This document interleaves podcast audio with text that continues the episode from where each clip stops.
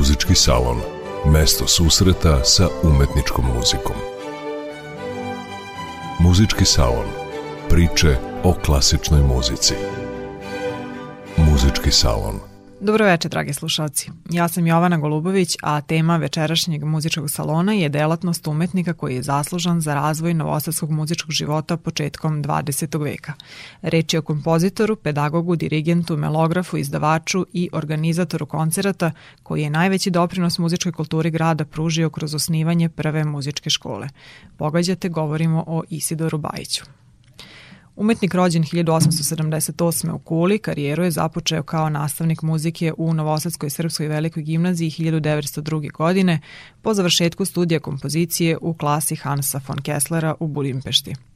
Rukovodio je gimnazijskim horom i orkestrom i priređivao svetosavske besede na kojima su nastupali njegovi učenici, ali je nivo tih koncerata prevazilazio okvir amaterskih školskih priredbi i oni su činili značajan deo koncertnog života grada.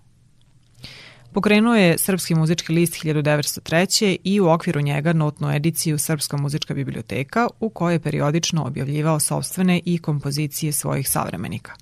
U skoro svim periodičnim časopisima i dnevne štampi tog vremena, Brankovo kolo, letopis Matice Srpske, zastava, sloga, objavljivao je tekstove iz oblasti muzike i muzičke pedagogije, a organizovao je i Savez srpskih pevačkih društava – Prvu specijalizovanu modernu školu u Novom Sadu, osmišljenu kao konzervatorijum, osnovao je 1909. godine.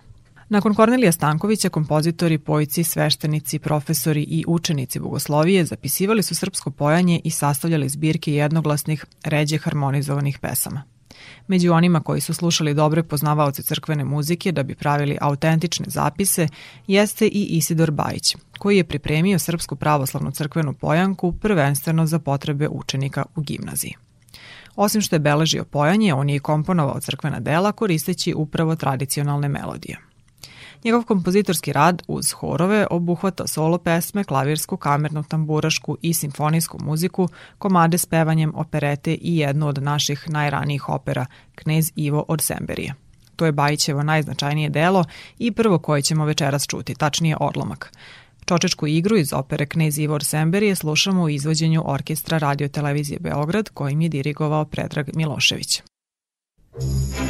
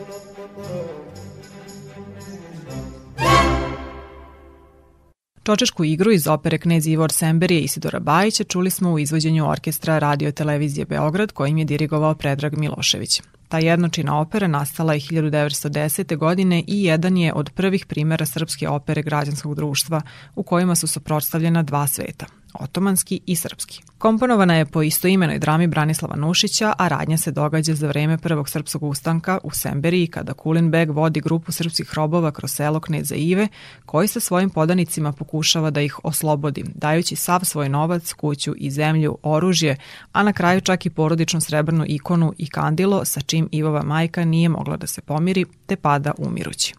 Tek tada okruti Turčin biva dirnut i pušta i poslednjeg srpskog groba, lepu stanku. Muzički materijal opere inspirisan je nacionalnom istorijom protkan je narodnom pesmom uz posebne karakterizacije likova iz dva suprotna tabora. Bajićeve melodije su i u drugim delima neretko inspirisane folklorom. Neke od njih su se vrlo brzo primile u narodu zbog izrazitog narodnog duha i doživele veliku popularnost poput kola Srpkinja.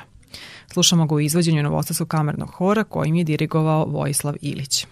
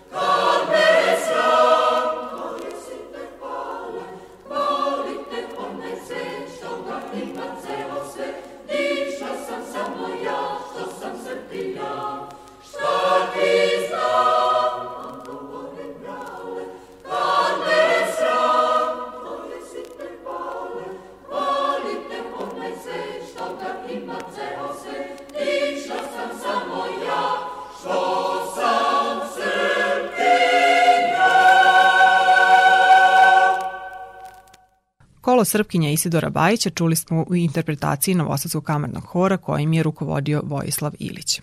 Zanimljivo je da danas mnogi greškom melodiju Srpkinje smatraju narodnom, ne znajući da ju je pogodivši autohtoni narodni duh zapravo komponovao Isidor Bajić. Napisao ju je 1903. i kasnije uvrstio u svoju jedinu operu. Bajićev horski opus činio je deo repertoara mnogih pevačkih društava. U tom žanru ugledao se na uzornog prethodnika Stevana Mokranjca – Obrađivao i harmonizovao srpske narodne pesme pojedinačno i u spletovima, težeći da pogodi pravi narodni ton. U tome su mu koristila melografska putovanja od Vojvodine do Vranja. Slušajući i zapisujući narodne tvorevine, Bajić je došao i do popularne Vranjanke Koštane, prema čijem pevanju je zapisao više pesama koje predstavljaju uzore lepote narodne umetnosti i koje su inspirisale i našu književnost i muziku. U Bajićevoj rukopisnoj zaostavštini nalazi se oko 2000 narodnih melodija, ne samo onih koje je beležio neposredno od pevača, nego i onih koje je prepisivao iz zbirki svojih prethodnika. Najznačajnije horske kompozicije koje je pisao na bazi narodnih motiva jesu iz Moje gradine, Ej ko ti kupi i Srpski zvuci koje ćemo čuti u izvođenju hora radio televizije Beograd kojim je dirigovao Borivoje Simić.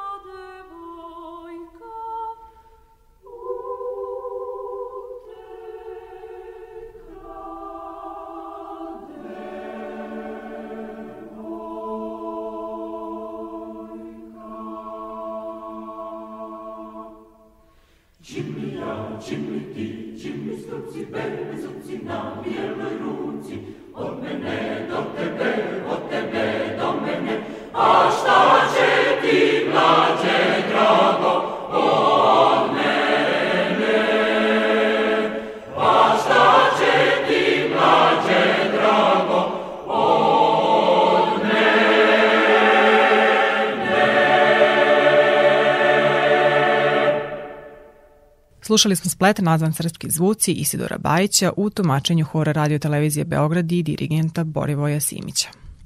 Bajićeve kompozicije bile su veoma popularne u širokim slovima stanovništva jer je umeo da se identifikuje sa anonimnim seoskim tvorcem narodnog napeva iako je bio obrazovani građanski muzički stvaralac. Osim opere, on je komponovao i jedno od prvih simfonicih dela u Srbiji – Reč je o simfoniji Miloš Obilić nastalo je 1903. koja je, nažalost, izgubljena. Među drugim orkestarskim kompozicijama nalaze se Magla Pala, Elegija i Oprošajni pozdrav Dragi Ružički, a Isidor Bajić pisao je i kamerna dela Pizzicato Polku, romansu i pesmu Bez reči. Za razliku od ovih ostvarenja koja nisu zaživela na repertoaru instrumentalnih ansambala, klavirska muzika novosadskog kompozitora i danas je rado svirana. To je ujedno i žanr u kojem je Bajić dostigao najviši stepen ličnog umetničkog izraza. Pisao je dela na folklornoj osnovi, poput Srpske rapsodije ili fantazije Srpsko cveće za mlada srca, ali i ona originalna koja nisu utemeljena u narodnim motivima. Takve klavirske minijature obuhvaćene su u albumu Kompozicija za glasovir iz 1907. godine, u kojima se ispoljava uticaj listovskog virtuoziteta, ali i lakoća kratkih klavirskih plesova Petra Iljiča Čajkovskog. Bajić je nadvisio većinu savremenika melodijskom inventivnošću i umećem osmišljavanja forme. U albumu kompozicije on je usavršio kompozicijono tehnički i harmonski aspekt klavirskog sloga iskorišćavajući potencijale instrumenta. Zbirku čine samostalni, ali i integrisani karakterni komadi dopadljive i raznovrsne melodike. Čućemo jedan od najpoznatijih Bajićevih komada Sanje u izvođenju Stefana Sretića.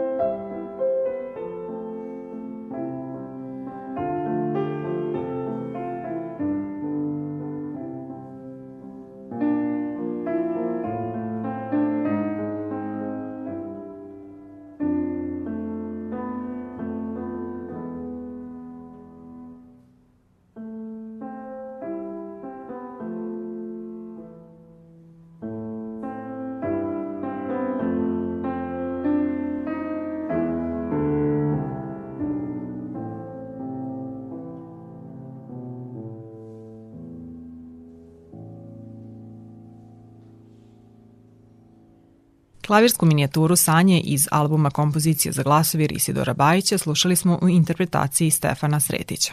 U tom ciklusu kompozicija, koji predstavlja kompozitorov najviši stepen umetničkog izraza, Baj se znatno udalje od folklornih uzora. Isto se može reći i za ciklus solo pesama Pesme ljubavi. Lirika sentimentalnog izraza, spoj građanskog i orijentalnog sensibiliteta svrstava Bajićeve pesme u svojevrsne sevdalinke salonskog manira – Klavirski part u Bajićevim solo pesmama je oskudan i redko je slučaj da se i u toj deonici prati promena karaktera i narativni impuls, odnosno da se izrazi situacija iz lirskog tekstualnog predloška. Bajićeva melodika u tom žanru posjeća na stare gradske pesme i romanse, pod snažnim je uticajima tadašnjih evropskih muzičkih tokova, ali odslikava i vreme prožeto nacionalnim osjećanjima i interesovanjem za folklor. Osim ciklusa pesme Ljubavi, Bajićev opus sadrži i album pesama u duhu srpskih narodnih pesama i srpske narodne pesme iz Mokrančevih rukoveti, ali i druga pojedinačna ostvarenja. Pesme Veruj da te ljubim i Ala nešto iz ciklusa Pesme ljubavi čućemo u interpretaciji sopraniskinje Aleksandre Ristić i pijaniskinje Ingrid Janković.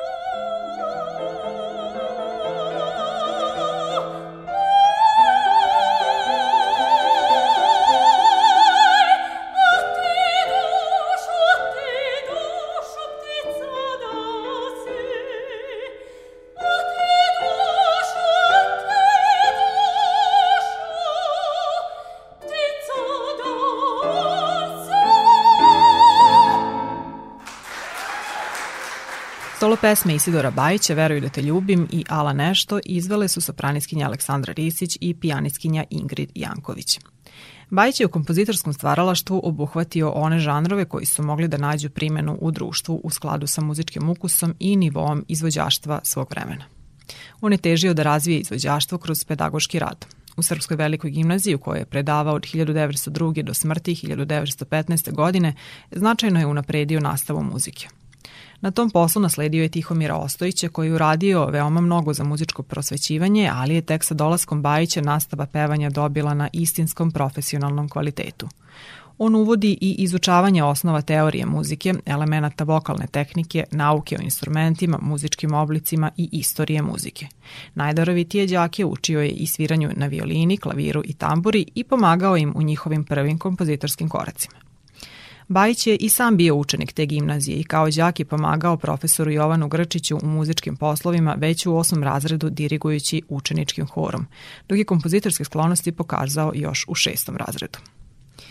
Kada je osnovao muzičku školu 1909. bio je već veoma cenjeni pedagog čiji su rezultati rada bili potvrđeni uspesima njegovih gimnazijskih đaka – Želeo je da talentovani učenici napreduju na pravi način, ali i da grad kulturne tradicije, kako je tada imao Novi Sad, osnuje ustanovu koja bi bila obeležje velike varoši. Angažovao je obrazovane muzičare da predaju pevanje, klavir i violinu, a on je držao nastavu iz teorijskih predmeta. Škola je osmišljena kao konzervatorijum sa polaznicima različitog uzrasta od početnika do najvišeg stupnja znanja – U reklami za školu isticano je jedinstvo vaspitnog teorijskog i praktičnog rada sa ciljem da se razvije ljubav prema muziciranju. U muzičkoj školi mora svaki učenik učiti i spremati se za čas, ne oslanjati se na učitelja, a sam ništa ne raditi. U muzičkoj školi đak se upućuje na samostalan rad i dužnost, a to utiče na vaspitanje karaktera detetova. Učenik je siguran da će dobiti dobru nastavu. Muzička škola svestrano vaspitava učenika. Ona ne samo da uči učenika dobro svirati, nego učići ga teorije muzičkih nauka, vaspitava ga da muziku kao nauku razume i da u njoj uživa. U muzičkoj školi učenik ima priliku da se upozna sa muzičkom literaturom. Vaspitanje muzičko je u školi mnogo jeftinije nego inače – Muzička škola je kulturni zavod koji ima ozbiljan zadatak i koji je pred javnosti odgovoran za uspeh. Koncerti nastavnika i učenika znatno su obogatili muzički život Novog Sada, što je praćeno u štampi sa velikom pažnjom, pa su se tim nastupima rado priključivali brojni gradski umetnici. Rad u školi ocenjivan je kao savremen i ozbiljan i broj učenika je prevazišao stotinu, te je bilo potrebno angažovanje više nastavnika. Nakon Bajićeve smrti rad škole je prekinut, ali se nastavio deseta godina nakon Prvog svetskog rata.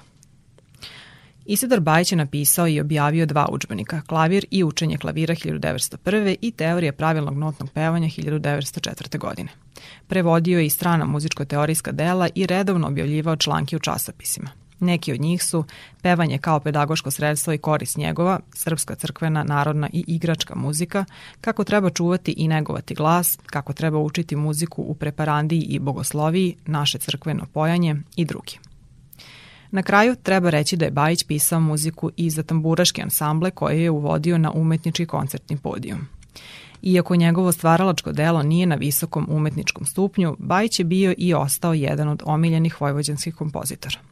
Za samo 37 godina života učinio je veoma mnogo za razvoj muzičke kulture u Novom Sadu. Njegove klavirske kompozicije doživale su transkripcije za brojne instrumente. Za kraj emisije čućemo rezignaciju iz albuma kompozicije za glasovir u izvođenju violončeliskinje Aleksandre Berček i pijaniskinje Ksenije Đukić.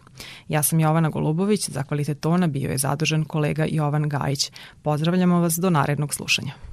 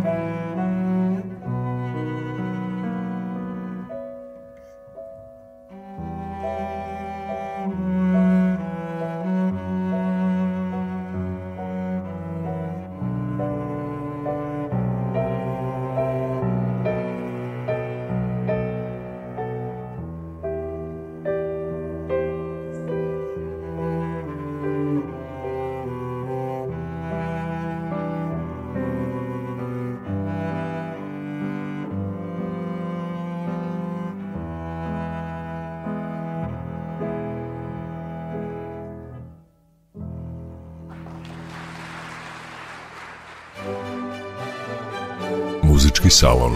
Mesto susreta sa umetničkom muzikom. Muzički salon. Priče o klasičnoj muzici. Muzički salon.